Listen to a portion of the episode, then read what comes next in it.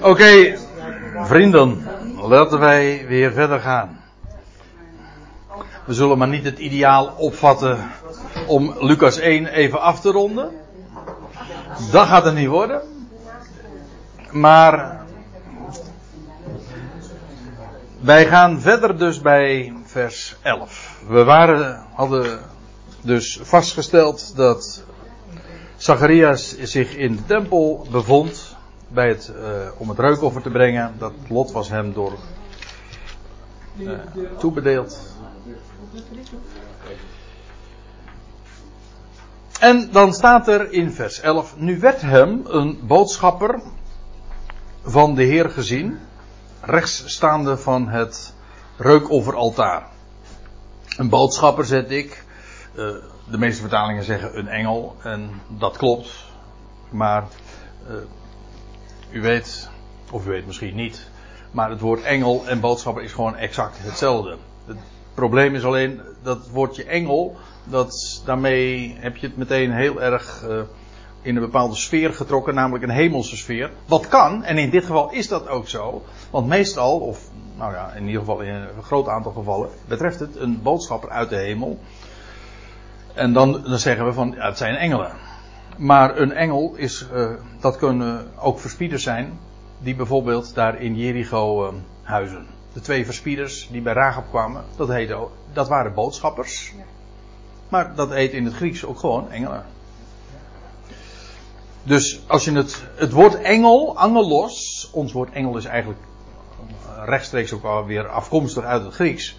Maar het woordje angelos betekent gewoon een boodschapper. En ik denk dat het het handigste is om het gewoon ook zo, uh, zo, te, uh, zo weer te geven. Dat heb je met heel wat andere woorden ook, die, we, die een bepaalde status hebben gekregen en een bepaalde klank. Bijvoorbeeld het woordje apostel. Dat denken wij ook meteen van iets heel uh, bijzonders of zo. Maar een apostel, het is ook wel bijzonder, maar het woord zelf betekent gewoon afgevaardigd.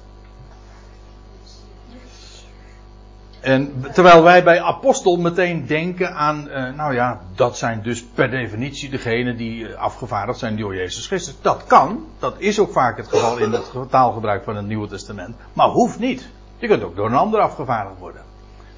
Nou ja, uh, zo zijn er heel wat van die woorden die we zo uit het Grieks hebben overgenomen, maar die je gewoon ook een keurig, standaard Nederlands woord kunt weergeven. En dat, dat zie je dan met name dat het problematisch wordt. Dat op het moment dat het niet om een engel gaat, zeggen we dan.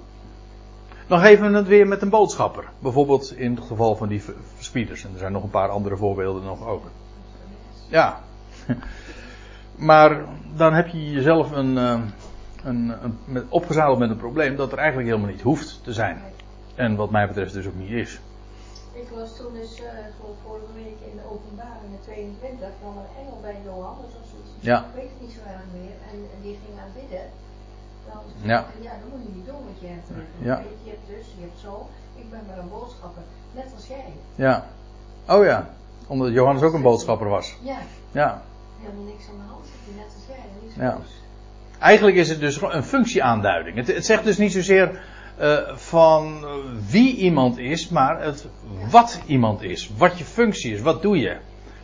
Als je, als je met, uh, met brieven en de post voorbij uh, de huizen langs gaat, ben je eigenlijk dus ook gewoon een, een boodschapper. Ja, een engel, ja. ja. Nou ja. ja. Wat ben jij van beroep? Ik ben engel. Ja. Oké, nu werd hem een boodschapper van de Heer gezien. Staat in de MBG-vertaling staat er en verscheen. Het is meestal het woord wat gebruikt wordt in verband ook met uh, de Heer Jezus Christus na zijn opstanding als hij verschijnt. Uh, in al die gevallen gaat het echt over daadwerkelijk, hij wordt gezien. Dus het gaat niet om een visioen, een droom die hij heeft. Nee, hij heeft dus een boodschapper van de Heer gezien daarbij het reuk, reukofferaltaar. En dat was daar rechts van, daar, uh, rechts van het reukofferaltaar. En ook daarin zie je weer een stuk bijbelse symboliek, want rechts is altijd het, de positie van voorrang. Maar als ik het zo zeg, dan uh, is dat niet eens een, uh, een bijbelse waarheid, maar ook gewoon een algemeen bekende waarheid. Behalve in Engeland begrijpen ze dat niet. Maar uh, zo is het wel. Hè? Rechts is voorrang. En vandaar ook verhoging. hij komt ook inderdaad met een boodschap van verhoging. Dat wil zeggen, ze, later lees je van Elisabeth ook dat zij zegt dat de Heer heeft omgezien naar, zijn, naar haar lage staat. Nou, en wat, wat ze doet, wat er gebeurt is, zij wordt verhoogd. Zoals links trouwens ook synoniem is met achterstelling. Zoals rechts voorrang is, zo is links achterstelling. En uh, die hele symboliek, gedachte, van rechts links zie je zelfs nog terug in de politiek. Want uh, dan gebruiken we rechts ook. Van origine is rechts eigenlijk, de, dat zijn degenen die het, uh, die het opnemen voor de belangen van de welgestelden. Degenen die dus in hoogheid zijn of uh, al in de maatschappij voorrang genieten. En degenen die links georiënteerd zijn, dat zijn degenen die het opnemen voor de achtergestelden.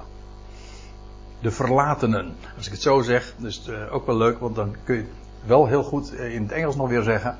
Ja, kijk naar jou gewoon niet, want jij, spreekt zo goed Engels. Maar uh, uh, left is het woord voor links in het Engels, maar ook het woord voor verlaten. I'm left. Ik ben verlaten. Nou, dat, is, dat, dat zit er allemaal vast aan rechts-links. in dit geval, de Heer is met jou. Je bent niet verlaten, nee. En vandaar ook rechts van dat reukofferaltaar. En Zacharia staat er dan, werd verontrust. Nou, in de NBG-vertaling staat ontroerd. Uh, dat heeft iets uh, emotioneels. Uh, maar ik, ik, heb, het is ook emotioneel, maar op een andere wijze denk ik dan, dan, we, dan het woordje ontroerd suggereert. Ik heb hier even een lijstje staan van, kijk, dit is het Griekse woord. In alle varianten, in alle vormen. En zo wordt dat dan weergegeven in de, ja, die concordante weergave. Altijd gewoon verontrust. Kijk, dat is concordant vertalen. Dat is gewoon consequent altijd hetzelfde vertaalwoord geven. Verontrust. Uh, de NBG die geeft het weer met, nou ja, je ziet, ontroerd, nogal eens een keer, maar ook wel met verontrust. Uh, verbijsterd ook. Of ver, in verwarring of ontsteld, of verschrikt. Nou, je ziet wel, als je dus afgaat op de MBG-vertaling, nou kun je zeggen van dit is een betrekkelijk onschuldig voorbeeld. Oké, okay, daar ben ik met u eens. Maar uh, het, het, geeft wel aan dat uh, als je uh, dat ene Griekse woord op zoveel verschillende manieren weergeeft, krijg je niet echt een zicht op de betekenis van het woord. Dan moet je, een, moet je een woord zien te vinden dat in alle gevallen inderdaad passend is. En dan blijkt inderdaad verontrust de gedachte, de, de gedachte te zijn. Verontrust eventueel verstoord. Ik zie dat hier de concordante vertaling zelfs ook een keertje niet helemaal concordant is. Uh, verstoord, verontrust. Maar goed, dat ligt wel heel dicht bij elkaar. In ieder geval, Zacharia werd verontrust. En ja, uh, wat je dan had kunnen voorspellen is, uh, vrees viel op hem. Ja, dat heb je als je zoiets gebeurt je niet. Nou, het gebeurt je sowieso niet elke dag dat je in de tempel bent. Zelfs niet als je priester bent. Maar als je dan, dan sta je daar bij het reukoveraltaar. En dan gebeurt er je dit. En toen hij dat waarnam, dan zie je dus inderdaad dat het om iets zintuigelijks gaat eh, vrees viel op hem. Maar de boodschapper zei tegen hem, ook dat zie je zo dikwijls in de Bijbel, als zoiets gebeurt, hè, de mensen raken dan, zijn even helemaal van slag. En wat gebeurt er vervolgens? Dan krijgen ze de bemoediging, wees niet, vrees niet. Vrees niet, wees niet bang, Zacharia. Want staat er, verhoord wordt jouw gebed. Niet uh, jouw gebed is verhoord, maar wordt verhoord. Ja, want verhoord wordt jouw smeekbeden. Je mag aannemen dat het hier inderdaad gaat over de smeekbeden die hij gewoon als, als, uh, als, hoe zeg je dat? als man, in, in een echtpaar, als hoe zeg je, echtgenoot, ja, dat is het woord, als echtgenoot gehad heeft. Er is al voor gesuggereerd van ja, hij heeft daar bij het reukoveraltaar gestaan en ook een, een gebed, een priesterlijk gebed uitgesproken. En dan wordt daar bij het reukoveraltaar een, een gebed gebeden om vrede voor Israël. Dat God zijn volk zou zegenen. Nou, je kunt zeggen van oké, nou dat gebed is ook verhoord bij, bij, deze, want hij krijgt nou de aankondiging van de geboorte van een jongen. Maar die zou juist inderdaad ook de weg bereiden voor de vrede.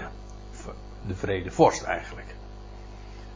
Maar het is ook een particulier waar dus. Dus niet alleen maar het gebed dat hij als priester heeft uitgesproken, maar ook het gebed dat hij als echtgenoot gehad heeft, namelijk om een, een kind te, te mogen krijgen. Want verhoord wordt jou gesmeekt dat is de aanzegging. En je vrouw Elisabeth, die zal een zoon voor je baren. Je zult hem noemen bij de naam Jochanan. Dat is op zijn Hebreeuws Johannes. Maar Johannes betekent prachtig. Yahweh is genadig. mooie introductie feitelijk van het hele Nieuwe Testament. Eigenlijk is het zo dat we hier praten over de, de, de prilste, het prilste begin zeg maar, van het Nieuwe Testament. Dit is nog uh, aanzien, zeker een half jaar voor de aanzegging die Maria kreeg van de geboorte van haar zoon. Johannes, we komen daar later nog op terug. Maar Johannes en Jezus scheelden een half jaar. Daar zit trouwens ook nog weer een prachtig verhaal aan vast. Maar daar ga ik het nu even niet over hebben.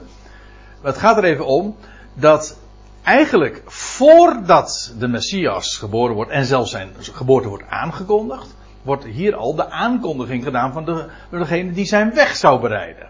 En dat wordt meteen ingeluid met de namen Elisabeth, en Zacharias. God uh, heeft een eed gezworen en Yahweh zal dat gedenken. En wat gebeurt er dan vervolgens? Er wordt een zoon aangekondigd en zijn naam is Yahweh is genadig. Nou, dat gaat hij bewijzen. Dus uh, in die naam zit eigenlijk al het hele evangelie uh, in de notendop eh, besloten. Je zult hem noemen bij de naam Jochanan. En er zijn nogal wat mannen die eh, die naam ook dragen in, eh, in het Nieuwe Testament. Want er is natuurlijk ook een bekende andere Johannes, maar dat was dan de discipel van de Heer Jezus. En er zijn trouwens nog een paar die zo heten. Maar goed. Het is trouwens interessant dat we een zevental kinderen in de Bijbel aantreffen. Die reeds voor hun geboorte bij name worden genoemd. Zeven. Toevallig natuurlijk. Ja, zeker. Maar uh, dat God uh, hun geboorte, uh, dat God via de boodschapper, zijn boodschapper, een geboorte aankondigt. Maar dan ook meteen aangeeft dat zal de naam zijn. Zullen we ze eens eventjes op een lijstje. Uh, zullen we eens eventjes een bijbelquizje doen? Zo. Wat is de... ja. ja. Wat is de eerste? Wat denkt u? Nou, ja, dus Jezus is de, de laatste van de zeven.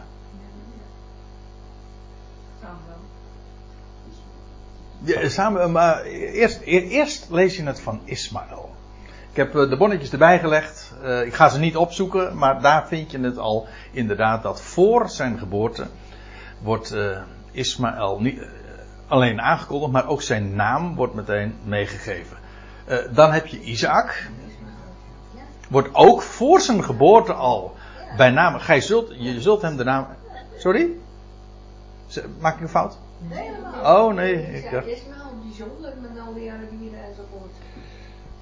Ja. Ja. Maar er staat ook dat hij een wilde is. Ja, Ja. Dat, Of dat zo negatief is, is nog maar de vraag dat trouwens. is helemaal niet negatief, want het zijn namelijk wilde ezels leven nog, want die zijn zeer sociaal. Ja, dat, nee, maar bovendien, het is ook een, een aanduiding juist daar in dat verband van, van kracht. Hè? Wij denken, eh, maar goed, trouwens in het algemeen is een ezel in de Bijbel een heel positief dier. Ja, maar in de Arabische landen leven nog wilde ezels. En die hebben een zeer sociaal karakter. Oké. Oké. Nou ja, waarvan akte? Maar eh, ja, Ismaël, eh, Ismaël is natuurlijk eh, de naam die. eh, ja, die is eh, ge- gekoppeld aan. Ja. Is gekoppeld eigenlijk ook aan Saoedi-Arabië. En daarmee eigenlijk ook weer. Dat is eigenlijk wel interessant, want islam en Ismaël. Dat is haast een anagram, hè? En. Ja, Ismaël. eh, is eh, daar in die contraien van Saoedi-Arabië, van Mekka en Medina, zeg maar, ook te lokaliseren. Maar even over Ja. Ismaël. Ja. Die hebben dus een hele goede band met elkaar gehad. Ze hebben hun vader begraven. Ja, ook nog eens. Esau wordt verwittigd dat hij Hethitische vrouwen heeft. En die wordt naar de, stam, naar de, naar de stam van Ismaël gestuurd om daar een vrouw te. Ja, ja, ja. toch uit de lijn van. Ja. Ja, we zouden zomaar in de verleiding kunnen komen om. eh, eh, trouwens, ik, zit, ik zie ineens dat ik Isaac met een aatje te veel gespeld heb. Maar goed, daar vallen we niet over. Ehm, niemand van jullie was het opgevallen, hè? Maar Isaac werd eh, dus ook, hij zal lachen. Hè? Dat is wat zijn naam betekent. Zo had God zijn geboorte aangekondigd. Eh, Salomo, ook. In 1 Kronieken lees je dat. Dat hij zo zou heten. Joos, koning Josia, een, koning, eh, een van de koningen van, van Juda. Een van, de ze- van de zeven koningen die ook eh, van eh, gelovig en godvrezend waren.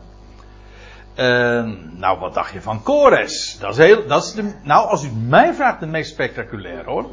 Omdat die namelijk al eh pakweg 150, misschien zelfs 200 jaar voor zijn geboorte al niet alleen in functie wordt aangekondigd. En wat hij zou doen, maar zelfs hoe hij zou heten. En ja, daar is een heel mooi verhaal aan vast, maar daar gaan we het nu niet over hebben. Trouwens, eh, lees het maar na in Genesis 45. Daar, daar wordt het gewoon al beschreven. Je- Jezaja, die ongeveer anderhalve eeuw voor de geboorte van Kores leefde. Maar eh, die, die voorzegt al, God voorzegt bij monden van Jezaja, zo is het natuurlijk. eh, dat Kores, dat er een zekere Kores geboren zou worden. En, hè? en hij is ook nog een gezalfde, Mashiach. Ja. En dan te bedenken dat hij, eh, en als Kores dan eh, eenmaal van Daniel te horen krijgt, dat Jezaja hem al had voorzegd, en Jeremia ook, dan is hij helemaal eh, onder de indruk. En dan geeft hij ook inderdaad, precies op het juiste tijdstip, het bevel om Israël te doen terugkeren. Maar goed, ik, ik, ga, ik treed nou weer buiten mijn boekje natuurlijk, maar goed, dat is omdat ik, omdat ik nu even die lijst van namen noem. Maar het gaat me eventjes uiteraard om het feit dat zij allemaal bij name genoemd worden voor hun geboorte. Kores. Nou ja, Johannes de Doper, daar hebben we het nu dus over. En, maar zij, daarover hebben we het al gehad. En hoe zou het ook anders? Die eh, is degene die in dit geval ook de, de rij sluit. En feitelijk in die zin ook het hoogtepunt is. Het eindpunt, het hoogtepunt, namelijk Jezus. Yahweh betekent het betekent Yahweh red. En feitelijk is daarmee alles gezegd. Yahweh red. Wie? Nou, gewoon, hij redt. Iedereen, namelijk. ja, ieder op zijn tijd en wijze. En op zijn wijze bedoel ik. Goed. Nou, dat is over die eh, naam die al eh, gegeven wordt voordat, voordat hij geboren wordt. En staat er, er zal vreugde voor jou zijn. Dat, wordt, dat zegt die boodschapper dus tegen Johannes. En er zal vreugde voor je zijn.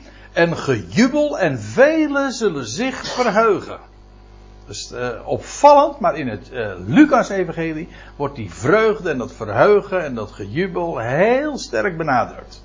Als God, in, als God iets gaat doen en zijn belofte gaat vervullen, dan is dat een bron van vreugde.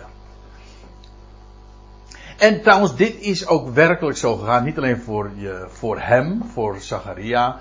en voor zijn vrouw, maar ook vele anderen. Velen zullen zich verheugen. En trouwens, het is ook letterlijk zo vervuld, want is, heel Israël hield Johannes voor een profeet. Wist u dat?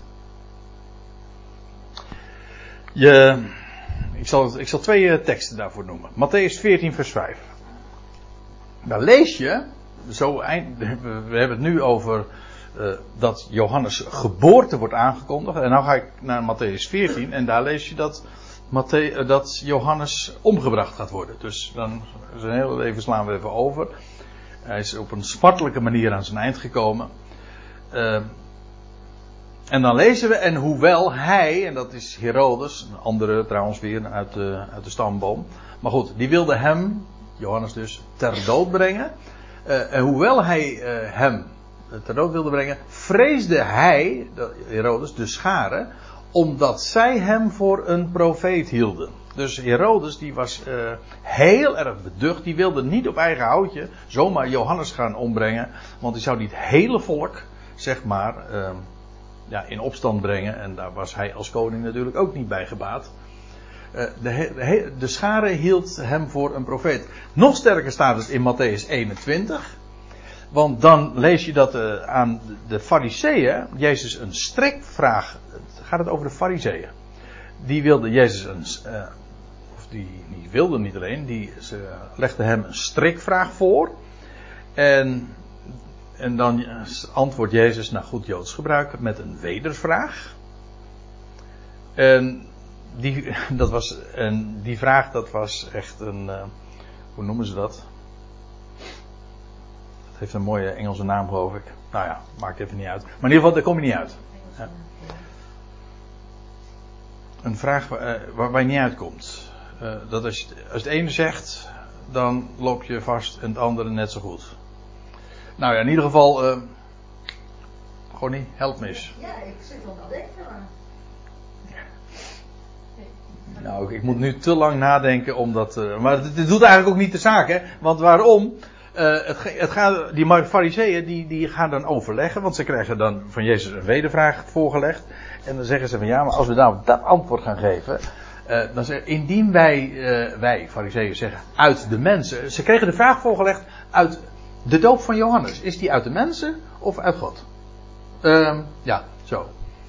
Nou, en dan gaan ze zeggen van ja, eigenlijk zouden ze het liefst willen zeggen uit de mensen. Maar dan staat er, zij, als wij zeggen uit de mensen, dan zijn wij, fariseeën, bevreesd voor de schade, want zij houden allen, de hele schade, dus de hele schade, hielden Johannes voor een profeet. Dus Johannes werd zo inderdaad in Israël gezien als een profeet. Dat was dus onmiskenbaar. En zelfs de fariseeën, hoewel ze misschien anders zouden willen, hebben daar nooit zelfs uh, aangezeten. Dat wil zeggen, ze hebben die reputatie van Johannes nooit ter, openlijk in ieder geval ter discussie willen stellen.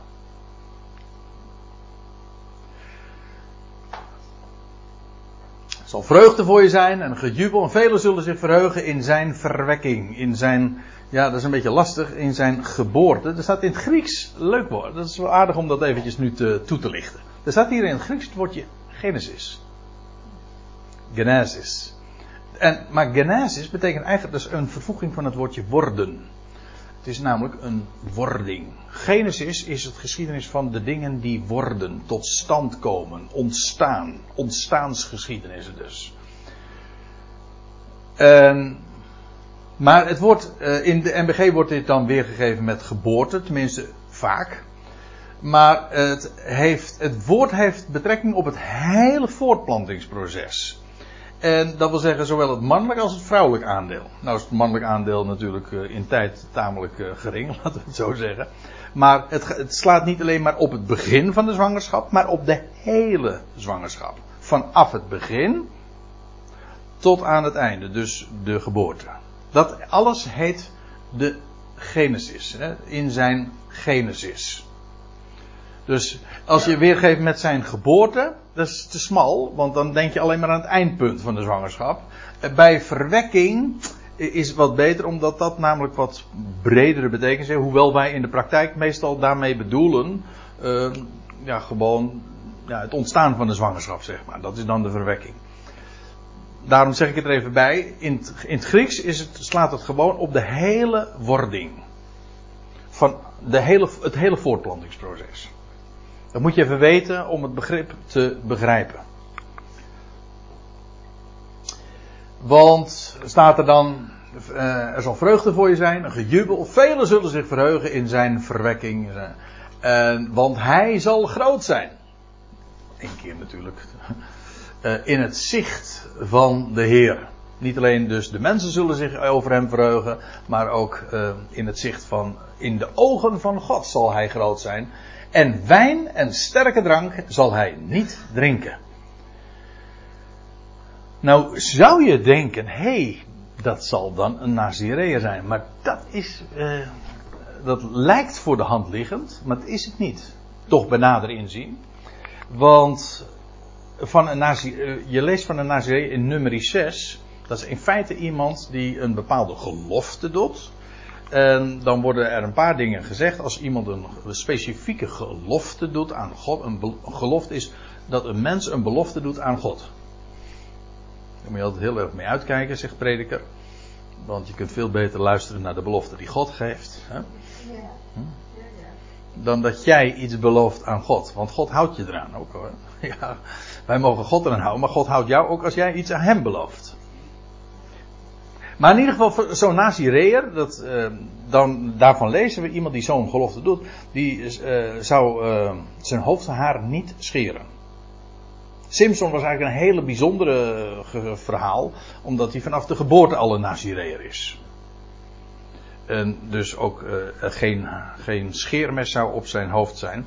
En dan, ook dan lezen we trouwens dat hij geen wijn en sterke drank zou drinken. Maar het had meer kenmerken. Het had dus ook het kenmerk dat hij zijn hoofdhaar niet zou scheren. Maar ook dat hij niet, geen lijk aan zou raken. Ook dat maakte onderdeel uit van het nazireërschap. En ook dat wordt niet gezegd in verband met, eh, met, deze, met deze Johannes. Maar wel, wijn en sterke drank zal hij niet drinken.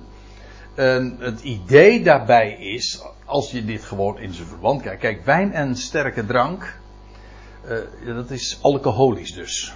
En alcohol eh, is een type van geest. Trouwens, dat is helemaal niet zo gek. eh, want wij noemen het ook geestrijk. Hm? Geestrijk vocht.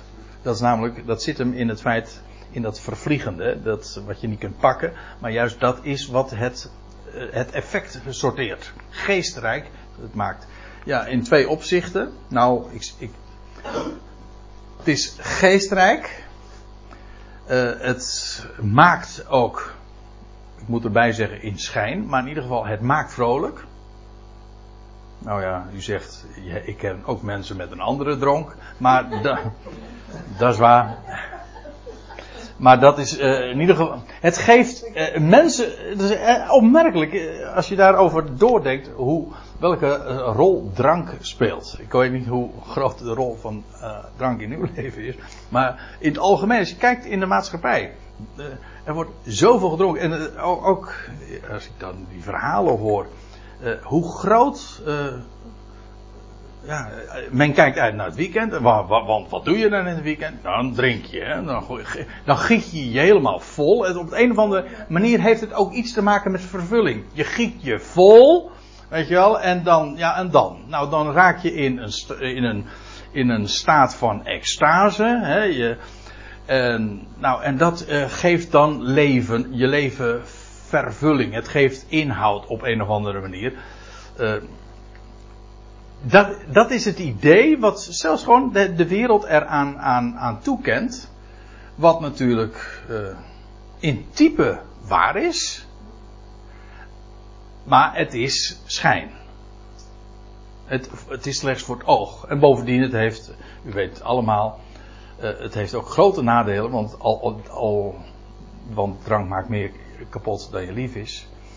Ik zeg het een beetje lachend, maar eh, eigenlijk is het diep triest. Maar in ieder geval, het heeft ook, eh, naderhand geeft het je een kater.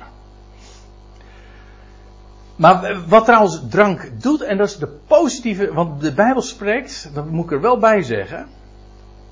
inderdaad heel negatief over dronkenschap, maar heel positief.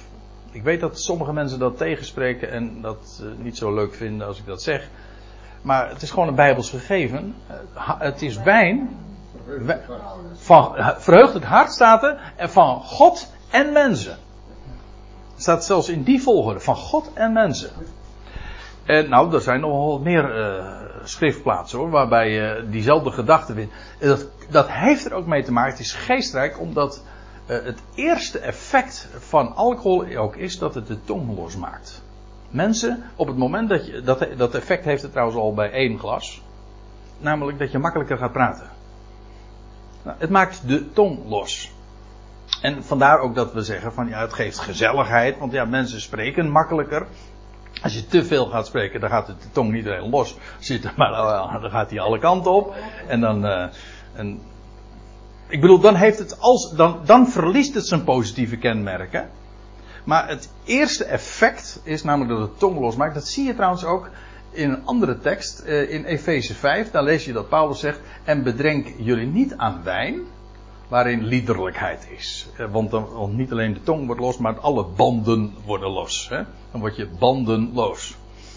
Ja, bandenloos.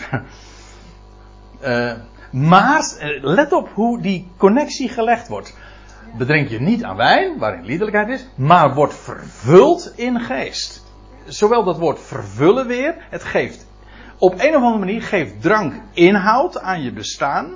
Positief of nee, het geeft inhoud aan je bestaan. Maar het is ook, eh, het wordt in één adem genoemd met wijn. En van eh, een, dat is een andere geschiedenis, Handelingen 2, van de dag dat de geest zich eh, eh, demonstratief zetten op de, de twaalf. En dan lees je ook dat de omstanders dan spotten en zeggen van zij hebben te veel gedronken. Hè? En dan zeiden ze, het is nog erg vroeg. ik. Ja, dan, dan, dat is dan het antwoord van Peter. Zegt van nou nee hoor, het is nog erg vroeg om, om je te bedrinken. Dus dat is niet aan de hand. Er is iets heel anders. Het is geest. Maar er, er is een opmerkelijke connectie tussen geest eh, aan de ene kant en, en nee, tussen wijn of sterke drank in het algemeen aan de ene kant en geest aan de andere kant. En, dat, en die connectie zie je dus eh, in, in, de, in de schrift. We hebben ooit. eh, het was eh, ooit in, in Soetermeer hebben we dus een hele avond en hebben we eraan gewijd aan de. Dat was, dat was, ik heb daar nog hele goede herinneringen aan. Ja, niet niet aan, aan wat we met eh, dat we wijn gedronken hebben, maar wel over hoe het hele proces van, eh, van de druif die geoogst wordt tot aan de, de, de wijn die gedronken wordt. En dat hele proces daartussen. Dat is een hele wetenschap, finologie. Eh, maar dat is zo boeiend. Ook wat dat typologisch, hè, de, de sprake die daar weer van uitgaat, dat het in de kelder gaat. Eh, in feite een graf. Het gaat in, in de donkerte. Komt trouwens ook in eikenhouten vaten. Eikenvaten, heb je het weer. En dan op een gegeven ogenblik komt het uit de kelder, uit het graf. En dan is het geestrijk vocht geworden. Is weer een beeld van dood en opstanding. Nieuw leven, geestrijk, vreugde, leven. De Garidien in Jeruzalem, die mogen één keer in het jaar helemaal zat drinken. Ja, Oh ja, dat zijn die- Ja. Ja. Dat is gebaseerd op, de. Ja. Maar dan zijn ze ook echt. Heel Ja. Maar eh, broeder Aad, wij staan niet onder de wet. Ja, ja, ja. Ja, ja. vanuit perspectief Nee, maar wij hebben, laten we. Ja, maar wij hebben de neiging toch altijd. eh, dat, dat is een Calvinistisch trekje. Trouwens, ik denk in het algemeen een godsdienstig trekje. Om altijd maar de dingen in ethische sfeer te trekken. Van is dat goed of fout? Mag het wel? Mag het niet? Daar gaat het niet om. Het gaat erom de sprake die van dingen uitgaat. En, en, en dat is, dan krijg je een heel ander. Dan kijk je heel anders tegen de dingen aan. Ik bedoel, ja, precies. Alles, daar gaat het over van alles wat God gemaakt heeft. Van de druiven en de, de wijn en van de eik. En nou, alles, daar gaat een sprake van uit. En om dat te gaan zien en ontdekken, dan, je dan krijgt alles in, in het leven wat je tegenkomt in zijn schepping, gaat betekenis en inhoud krijgt het. Want het wordt rijk omdat er een, een, enorme waarde in vertegenwoordigd is. Ja, het heeft echt waarde. En dat is volgens mij wat toch een, een, een rijk bestaan is. Hè? Dat je leven omgeven is door waarde. Nou, dat kun je voor ons wel zeggen. Als je de schepper kent, dan herken je hem ook in alles, in al zijn creaties. En dat is wat, wat je bestaan waarde geeft.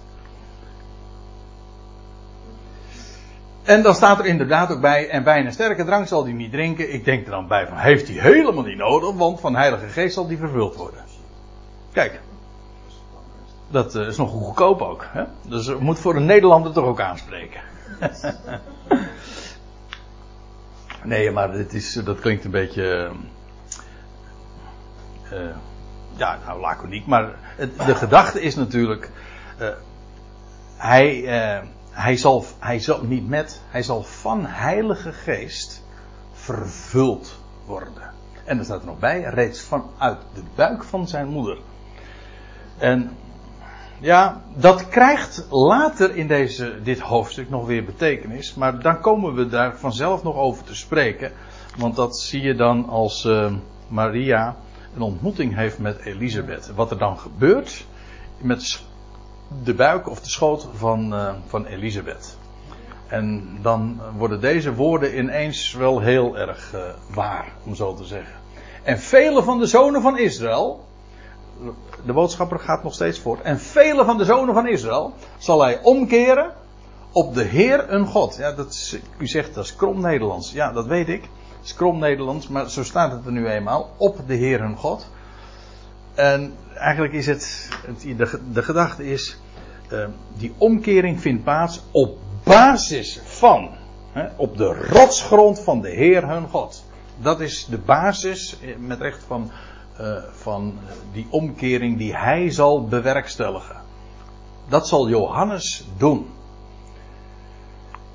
Hij, zijn dienst, Johannes' dienst is, dat mag, dat, dat weet u, eh, mag ik aannemen, dat Johannes, ja, zijn die bediening was uitsluitend nog maar be- beperkt tot Israël. Heel uitdrukkelijk. Je leest in Johannes 1, vers 31, dat Johannes, hij werd natuurlijk later bekend als Johannes de Doper, dan staat er, en zelf wist ik niet van hem. Dit is Johannes de Doper die aan het woord is. En dan, zegt, en dan voegt hij er aan toe, maar opdat hij, zijn neef dus, een half jaar ouder, eh, jonger was dan hij. Maar opdat hij aan Israël zou geopenbaard worden, daarom kwam ik dopen in water. Die waterdoop die hij deed, we komen daar absoluut nog op, wel, eh, op een later tijdstip terug, maar die waterdoop is een type, ehm, ja, ook weer van dood en opstanding, opstijgen uit het watergraf. Maar dat bedoel ik niet alleen, maar het was een ritueel die Israël kende. De waterdoop is een Israëlitisch ritueel. De, de Hebreeën hadden een leer van dopen. Bij allerlei gelegenheden werd men gedoopt en gewassen. En er was een mikva. In een, elke zichzelf respecterende synagoge heb je een bad waar je je kunt dopen. Alleen het bijzondere eh, daarvan was, je doopte jezelf altijd.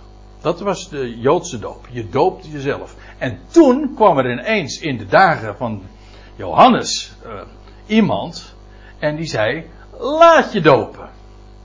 Dat wil zeggen, ik doop jou. En vandaar ook dat hij ineens de naam kreeg, Johannes de Doper. Hij doopte namelijk anderen. En dat kende men niet. Men doopte zich gewoon zichzelf altijd. Vandaar ook dat het bijzonder was dat er iemand was die anderen doopte. En daarom kreeg hij de bijnaam Johannes de Doper. Maar dat deed hij. Uh, hij deed niet iets uh, aparts. Dopen was een volkomen bekend fenomeen in Israël een Israëlitisch ritueel. Nooit lees je over dat een Jood of een Israëliet een, iemand uit de natie een doop. Behalve dan als ze zelf dan Joden genood zouden worden. Dan is het anders. Maar goed. Zo zou je zomaar op het onderwerp doop uh, nog weer verder komen. Maar dat gaan we niet doen. Het... Anders hadden Ja, speciaal, hè? ja, ja, ook weer. En hij zal vele van de, van de zonen van Israël be- eh, bekeren. Omdoen keren namelijk op de Heer hun God. Ja, en eh, ja, dit wordt, eigenlijk, dit wordt nog weer een eh, andere voorzegging. Ik stel voor dat we het daar even bij laten, want we hebben vanavond nou alweer genoeg besproken. Al zijn we niet aan eh, Lucas 1 vers 80 toegekomen. Maar die illusie had ik.